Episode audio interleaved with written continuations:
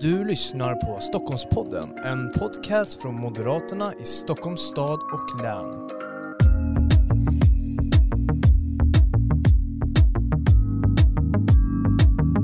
Varmt välkomna till ännu ett avsnitt av Stockholmspodden. Det här är ju Moderaterna i Stockholms stad och läns podcast där vi pratar med våra främsta företrädare men också andra personer ifrån olika positioner i samhället. Men idag ska vi prata med en av våra främsta företrädare, nämligen så att finansregionrådet Irene Svenonius är med oss här i studion. Varmt välkommen. Tack så mycket, roligt att vara här igen. Ja, du är en återkommande gäst i, i vårt program här och det är ju jag mycket glad för och, och jag vill tacka dig ännu en gång för att du tar tiden att komma hit. Ja, men jag tycker att det är jätteroligt att få möjlighet att prata om vad vi gör i regionen och sprida den kunskapen till fler. Mm. Och idag så, eller inte idag, men i veckan så har ju ni faktiskt presenterat er budget i Region Stockholm för 2022. Det ska vi prata om idag, men, men innan vi går in på det så vill jag ändå beröra en essä som du har skrivit om, om pandemin. Pandemin inifrån heter den. Eh, och jag tänkte att vi ska först beröra den och, och lite så här, varför skrev du den? Jag kände att eh, jag vill eh, teckna ner eh, händelser och skeenden så som jag har minst dem. Jag har skrivit en hel del minnesanteckningar under hela det här långa förloppet av pandemin. Och eh, att både teckna ner det och de reflektioner jag har kring vad som har fungerat bra och vad som vi måste bära med oss och dra lärdomar ifrån för att göra bättre nästa gång vi hamnar i en extraordinär situation. Det kan vara en pandemi men det kan ju också vara någonting helt annat. Så det har jag tyckt känns lite viktigt. Mm. Det här är ju mitt perspektiv, jag ger inte anspråk på att det ska vara eh, objektivt så att säga utan det här är utifrån eh, mina upplevelser. Mm. Kan man redan nu utvärdera till exempel ja, men, vissa myndigheter eller vissa andra eh, saker som man gjorde under pandemin? Eller skulle man kanske vänta med att skriva ner sig? Hur, hur tänker du kring det här? Du kanske får komplettera den efteråt. Ja, men i Region Stockholm så gör vi ju en, eh, en opartisk utvärdering av hela vårt arbete och eh, den inledde vi redan före sommaren 2020.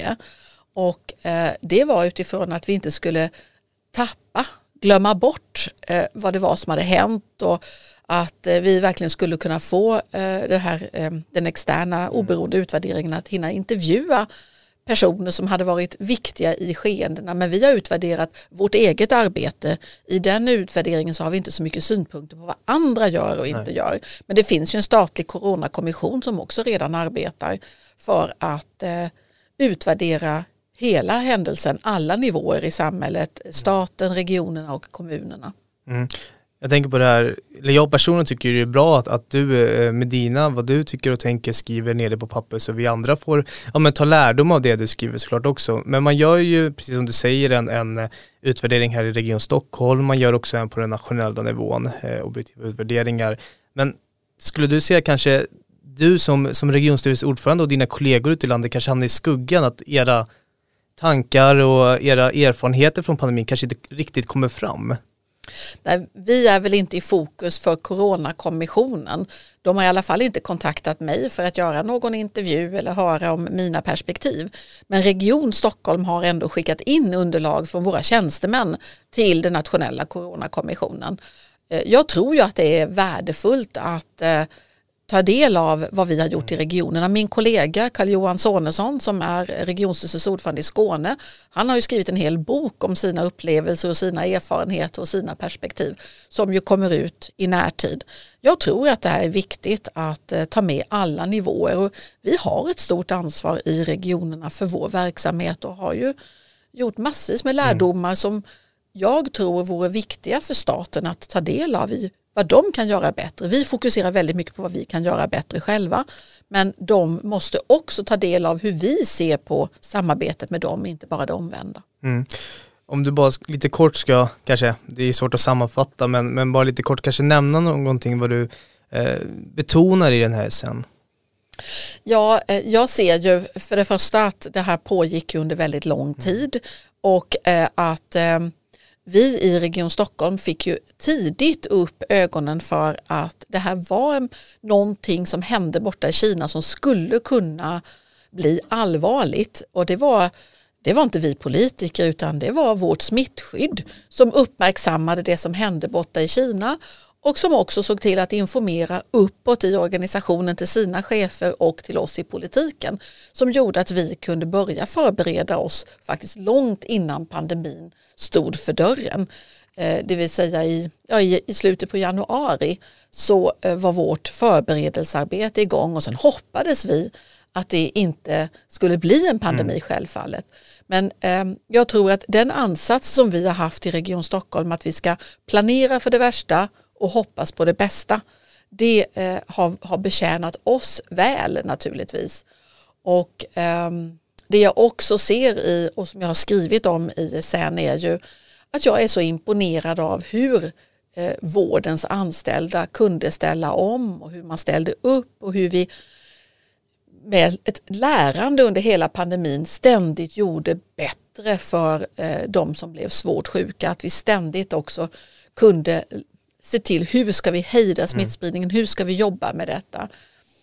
Men jag kunde, har väl också lyft upp i ISN att jag tycker att det är eh, besvärande med för många statliga myndigheter som jobbar som stuprör och att staten inte har en, en eh, högre, någon myndighet som är överställd de andra. Det är ingen som dömer av när man är mellan olika statliga myndigheter tycker att ja, men det här ligger lite utanför vad vi ansvar för eller det här ska någon annan göra. Och det här, alltså man skyfflar emellan sig. Till slut måste ju det finnas någon som dömer av i en organisation. Och I en kommun så är det alltid ytterst, om inte tjänstemännen kan göra det på sin krisledningsnivå så finns det en krisledningsnämnd som ytterst avgör. Och eh, så är det i en kommun och i regionen så har vi ju regionala särskilda sjukvårdsledningen och sen har vi ju en central krisledning på tjänstemannaplanet och politiker som ytterst kan döma av om det skulle behövas. I staten så är det ju inte så. De jobbar ju på ett helt annat sätt och det tror jag att den lärdomen måste vi ta med oss och göra om på den statliga nivån. Mm. Jag tänker, det, det, var ju några lärdomar där eh, som du kanske tar med dig som, som politiker, men jag tänkte som person också. Det har ju varit en väldigt tuff tid eh, även för dig som, som regionstyrelseordförande för ja, men den största regionen i, i Sverige att kunna hantera den här krisen. Vad tar du med dig personligen från den här krisen? Att det är oerhört viktigt att vi har eh, skickliga medarbetare på varje position i regionen eh, för att vi ska kunna få bra, eh, få goda beslut. Att eh, vi, del, vi som är politiker delegerar till professionen de beslut som bäst fattas i professionen och så långt, långt ut som möjligt det, ehm, det är någonting som jag tar med mig. Som människa så eh, tar jag självfallet med mig en rad saker och den kanske viktigaste är ju att eh, livet kan vända väldigt fort. Eh, att vi får aldrig ta någonting för givet. Vi måste vårda och vara omtänksamma mot varandra och mot andra. För att livet är skört. Mm. Och vi har mist oerhört många invånare i Stockholms län. Vi har eh, väldigt många som har mist en förälder eller en morförälder eller kanske en, ett syskon. Vi har, all, många har mist någon i den här pandemin och eh, varje person som vi inte har lyckats rädda eh, känns ju naturligtvis, även för mig som inte arbetar direkt i vården, som om det känns som ett nederlag. Mm. Eh, och, eh, det bär jag med mig och vill att vi hela tiden ska kunna göra saker bättre. Mm. Irene, den här SN finns ju att läsa på Moderaterna i Stockholms hemsida, moderaterna.se eller moderaterna.se slash Stockholm ska det ju vara. Eh, så ni som lyssnar, om ni vill läsa hela så kan ni gärna gå in där och läsa den i pdf-format. Eh, jättebra, det är ju så här att det här kan vi prata hur länge som helst om, men vi ska ju även också beröra ett annat område, det är den budgeten som har som har presenterats här i veckan eh, från eh, dig och dina kollegor i Region Stockholm. Och eh, jag tänker först, vi ska ju såklart gå in på vad ni presenterar, men, men så här, vi var ju inne på pandemin lite tidigare när vi pratade om SN här och pandemin, hur har den påverkat er budgetutfall?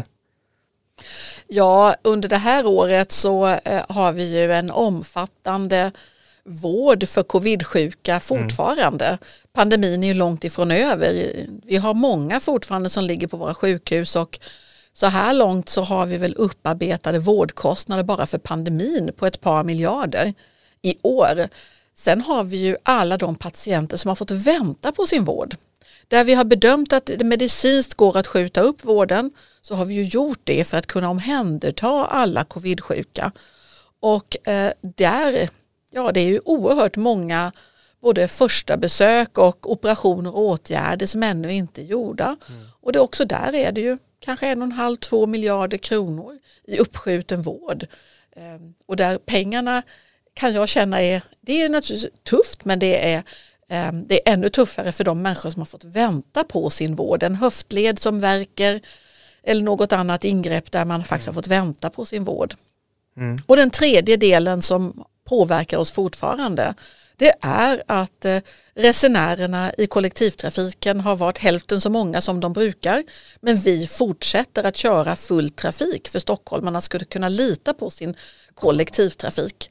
Och vi blöder ekonomiskt samtidigt som vi då varken för covidvården eller kollektivtrafikens tappade intäkter, och det är flera miljarder i år, ja. så eh, får vi ju inte kompensation från staten för detta. Mm. Så det är tufft. Mm. Jag tänker i, i den här budgeten, eh, att växla upp efter pandemin. Det är väl någons ändå, kan, om, om jag får tro och tänka fritt här, att det är en budget som ska få er på fötter igen, att kom, komma tillbaka efter pandemin. Vilka insatser i budgeten gör ni för att ja, men växla upp, att kunna komma tillbaka eller ta nästa steg? Ja, det är ju precis som du säger, den här budgeten ska ju hjälpa Stockholm i återstarten att vi ska få igång hjulen i samhällsekonomin mm. och människor ska komma tillbaka till jobb. Men också att man ska kunna få den vård man behöver när man behöver den. Och eh, i den här budgeten så eh, fokuserar vi på att eh, vi ska ha en tillgänglig hälso och sjukvård. Vi ska beta av de vård, den vårdskuld som har uppkommit under pandemin och vi ska fortsätta att köra kollektivtrafiken för full trafik den som redan finns mm. och vi fortsätter framtidsbygget i kollektivtrafiken. Vi fortsätter att bygga ut tunnelbanan till Nacka, till Barkarby, till Arenastaden. Vi fortsätter planeringen för spårväg syd mellan Älvsjö och Flemingsberg och vi fortsätter planeringen för att dra Roslagsbanan i tunnel till city. Därför att det är så som vi kan bidra naturligtvis och eh, vi gör historiska satsningar. Ehm, vi har en budget i hälso och sjukvården som nu går upp över 70 miljarder kronor. Mm. Det är sanslösa belopp. Vi ökar budgeten med 2,2 miljarder till just hälso och sjukvården för att eh, både kunna eh, omhänderta vårdskulden och eh, ha en hög tillgänglighet för, mm. för de som nu blir sjuka. Mm. Det här med att eh, ja det finns ju två stycken utgiftsområden, äh, stora utgiftsområden, det är ju sjukvården och kollektivtrafiken. Och så här, efter en pandemi, en kris, det har ju varit en ekonomisk kris också. Det här med att prioritera, har det varit extra svårt under den här budgeten? Du har ju lagt några budgetar nu under din tid som finansregionråd. Eh, skulle du säga att du har behövt ja, men, göra svåra prioriteringar just under den här budgeten eh, mot bakgrund av den pandemi som vi nyss genomgått? Varje budget innebär svåra avvägningar. Var gör vi bäst nytta med skattepengarna mm. och att vända på varje krona. Det gör ju vi i varje budget. Jag skulle säga att eh, pandemin har ju gjort det extra tydligt för alla oss i den blågröna koalitionen vad som är riktigt, riktigt viktigt. Mm. Eh, och eh, paradoxalt nog så har det gjort budgetarbetet enklare naturligtvis. Ja, vi har en knapphetens stjärna, vi har det är ett tufft samhällsekonomiskt läge. Eh, vi får eh, eh, alldeles för få tillskott ifrån staten för att ersätta oss för covidvård och för tappade, tappade intäkter i kollektivtrafiken.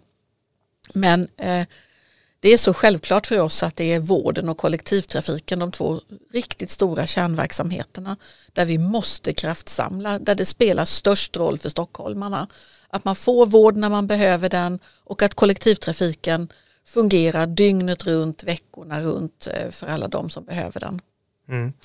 Irene, jag tänker på det här med att identifiera några specifika områden där ni behöver stärka upp i, i regionen. Eh, har ni hittat några sådana under den här budgeten? Jag kan tänka mig att ni, ni letar ju såklart efter de här områdena. Vart behöver vi stärka upp? Finns det några specifika områden i den här budgeten?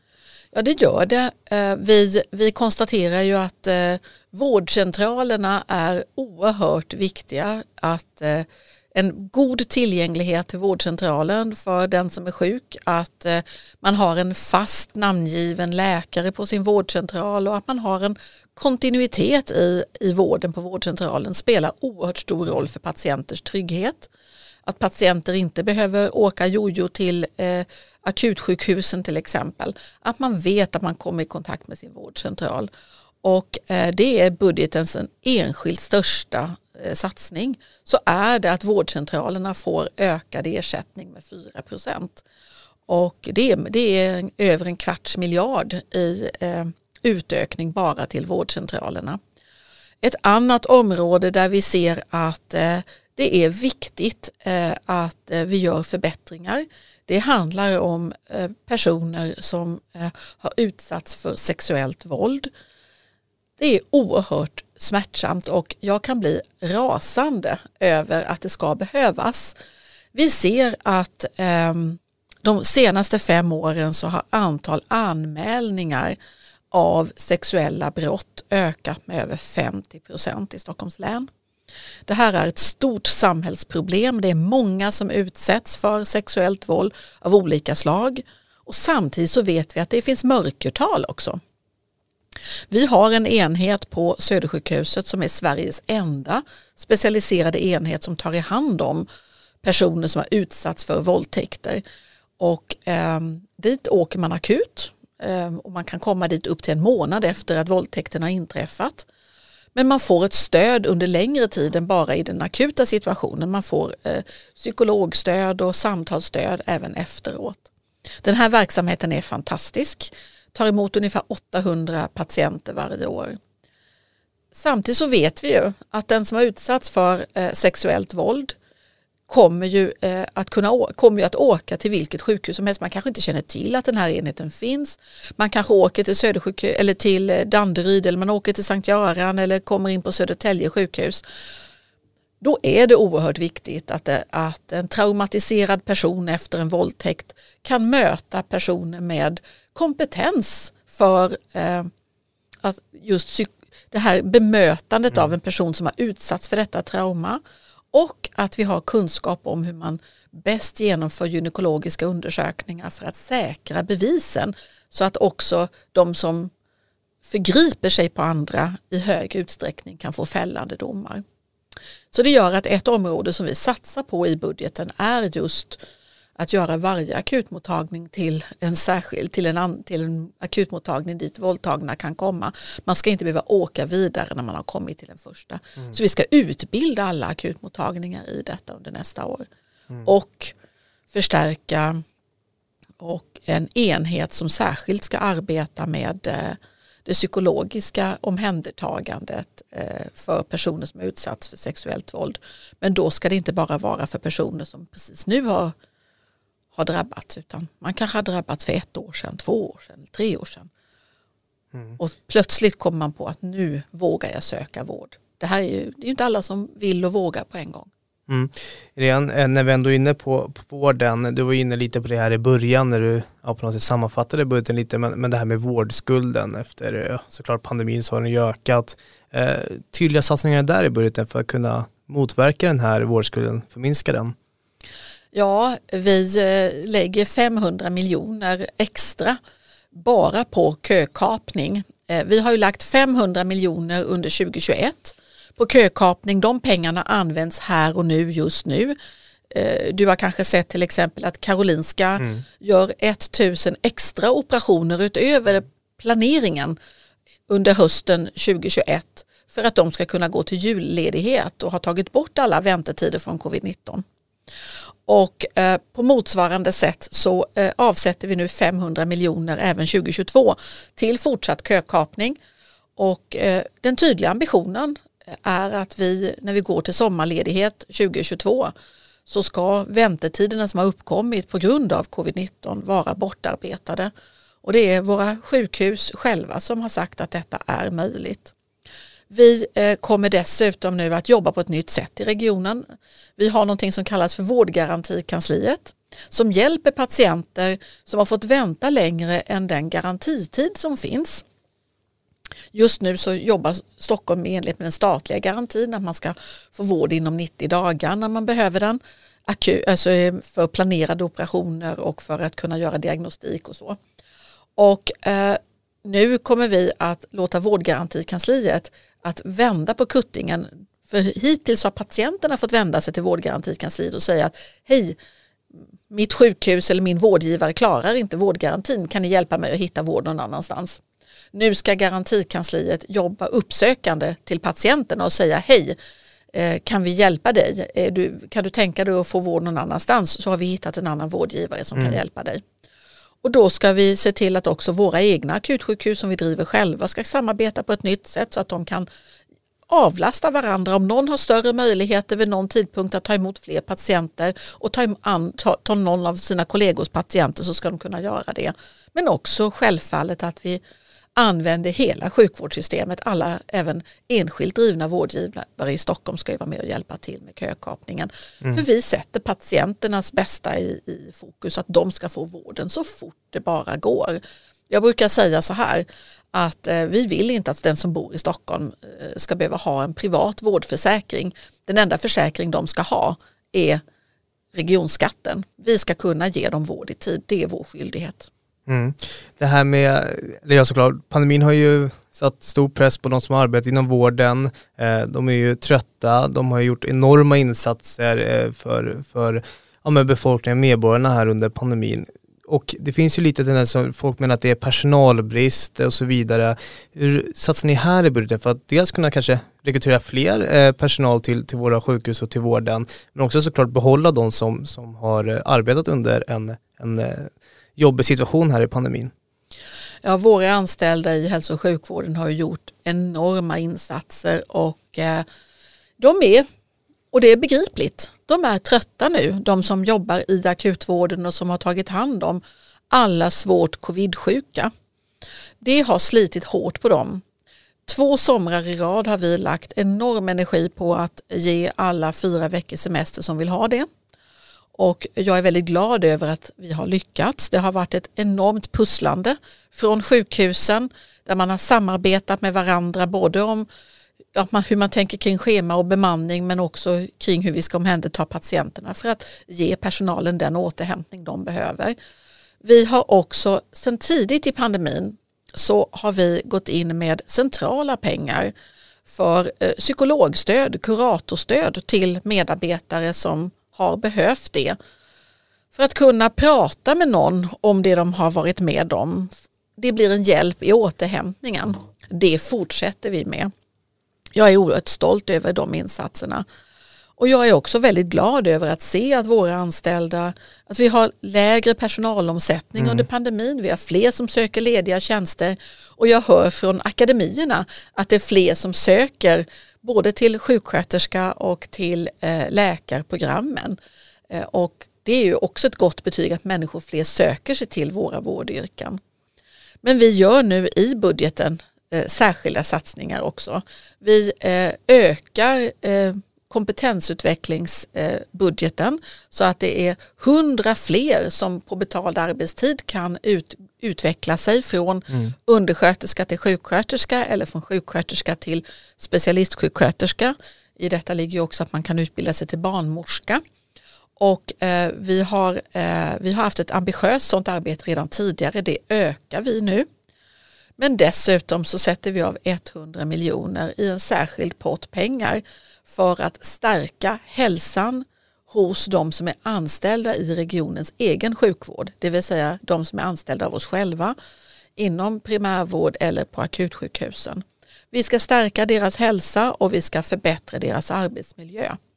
Och exakt hur de pengarna ska användas, det ska vi planera ihop med eh, de anställda och med verksamheterna så att pengarna verkligen kommer till god nytta där ute. Mm. Irene Svenonius, finansregionråd. Eh, jag vill tacka dig för att du kom till Stockholmspodden eh, och ville göra det här avsnittet. Viktig information för stockholmarna. Vi ska alldeles strax avsluta, men jag vill att du ska få avsluta det eh, med ett litet meddelande till, till medborgarna som lyssnar på det här. Vad betyder budgeten för dem? Och du kanske har någonting mer du vill meddela dem. Så jag tänker att du får avsluta här två, tre minuter med, med ett meddelande helt enkelt. Varsågod. Tack så mycket Zacharias. Ehm, ja, eh, den här budgeten för 2022, med den så vill vi att alla stockholmare ska känna sig trygga med att när man blir sjuk så får man vård och vi får vård i tid i Stockholm. Den enda skatt man ska betala är regionskatten. Man ska inte behöva ha en privat vårdförsäkring när man bor i vårt län. Det är därför vi satsar 2,2 miljarder i utökade resurser på hälso och sjukvården och den största satsningen, nästan en kvarts miljard kronor, lägger vi på vårdcentralerna för att de ska vara trygga mittpunkten i allas våra liv.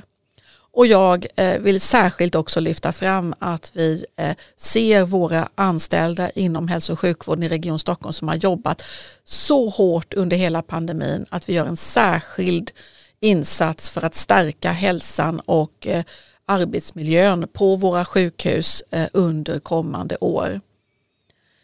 Är man också en person som har utsatts för sexuellt våld så vi ser er. Ja, det behövs fler poliser, det behövs ett starkare rättsväsende som, som griper förövarna.